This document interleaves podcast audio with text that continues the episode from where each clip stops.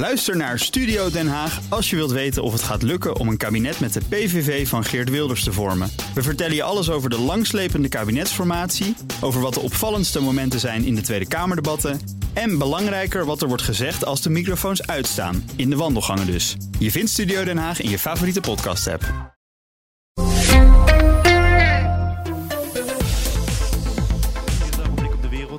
Van onze Europa-verslaggever Geert-Jan Haan. Geert-Jan, goedemiddag. Dag Thomas. Nou, we beginnen toch eigenlijk in eigen land met een blik op het Binnenhof. Want eh, er is eh, een nieuwe eh, minister voor Buitenlandse Handel en Ontwikkelingssamenwerking... omdat Liesje Schrijnemacher met zwangerschapsverlof gaat.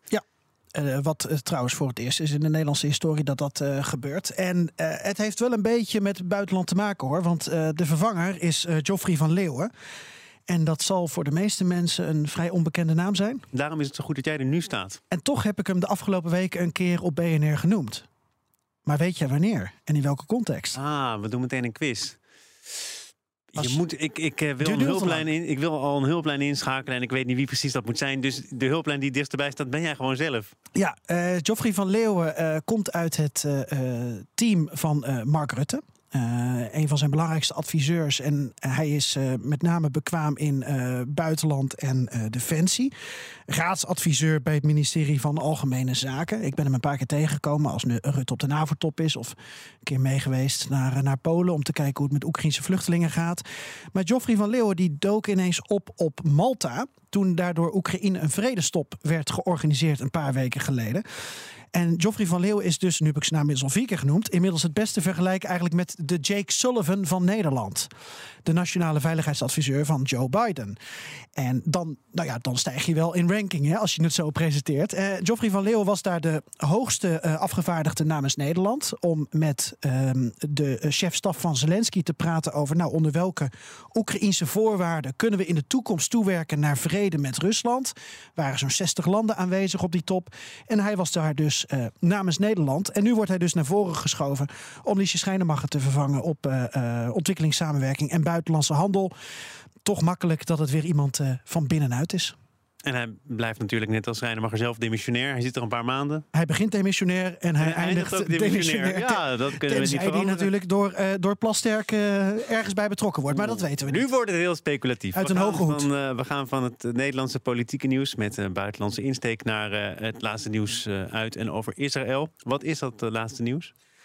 Nou, ik denk, laten we eens even beginnen toch eh, ook net over de grens. Ehm, want in eh, twee steden in Duitsland en in een plek in België... eh, zijn woningen doorzocht van vermoedelijke Hamas-aanhangers.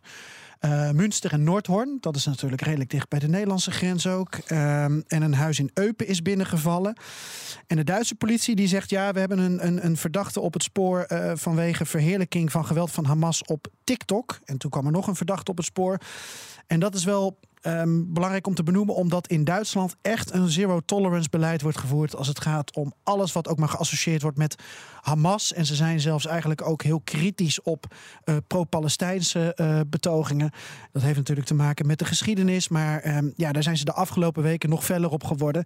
Dus in, in dat licht verbaast het niet dat dit eh, nu gebeurt. Verder Israël zelf ehm, een gevechtspauze, nog steeds. Eh, maar Blinken is nu in Israël, Amerikaanse minister van Buitenlandse Zaken.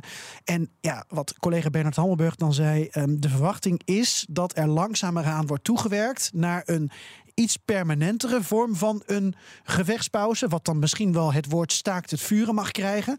Maar jargon is alles in dit hele verhaal, zeker voor Israël. Dus ik denk dat Blinken eens even de nieren gaat proeven van, eh van Netanyahu en kijken in hoeverre hij daar, eh, daar nu steeds meer voor open staat. Dan jouw woorden. De zoete wraak van Rusland in de westerse diplomatie. Verklaar je nader. Nou, eh, en die vraag eh, die jij aan mij stelt. Kijk, dit is allemaal natuurlijk één groot toneelstuk wat wij hier doen. Dus die heb ik een uur geleden naar jou toegestuurd. Via een, een, een opzetje van dit vraaggesprek. Wij schudden niet alles uit onze mouw. Nee. Maar inmiddels kan ik ook daar wel van maken de zoete wraak van Bulgarije op Rusland.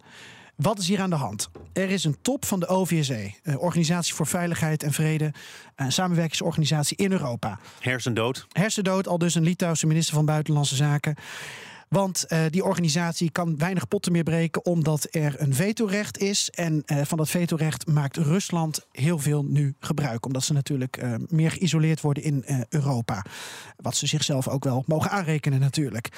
Lavrov, de minister van Buitenlandse Zaken van Rusland, die uh, wilde graag naar de OVSE-top in Noord-Macedonië komen. Na heel lang wikken en wegen werd hij toegestaan.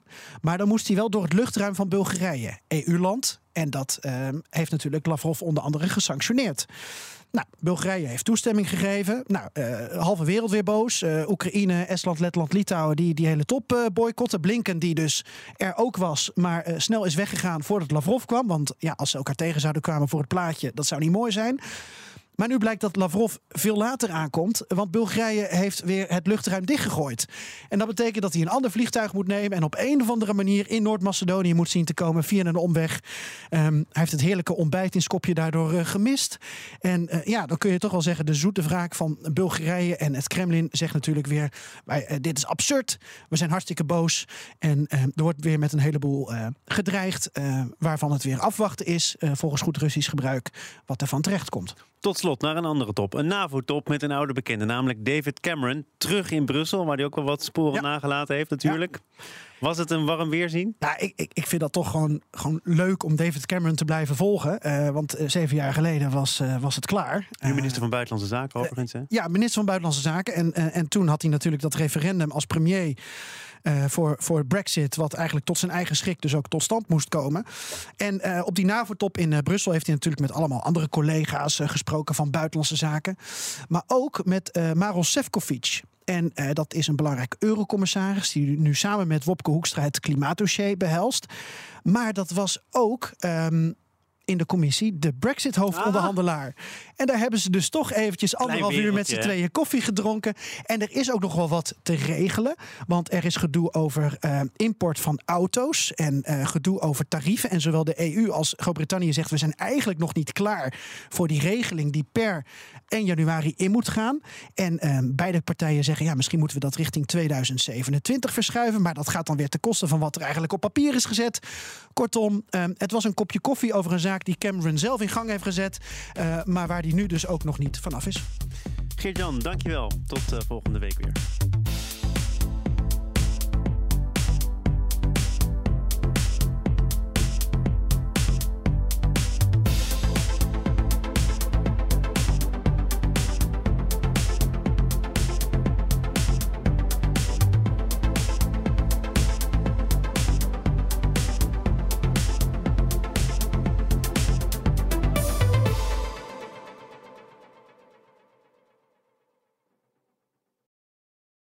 Ook Thomas van Zeil vind je in de BNR-app. Je kunt live naar mij luisteren in Zaken doen. De BNR-app met breaking news, het laatste zakelijke nieuws... en je vindt er alle BNR-podcasts, bijvoorbeeld Het Nieuwe Geld. Download nu de gratis BNR-app en blijf scherp.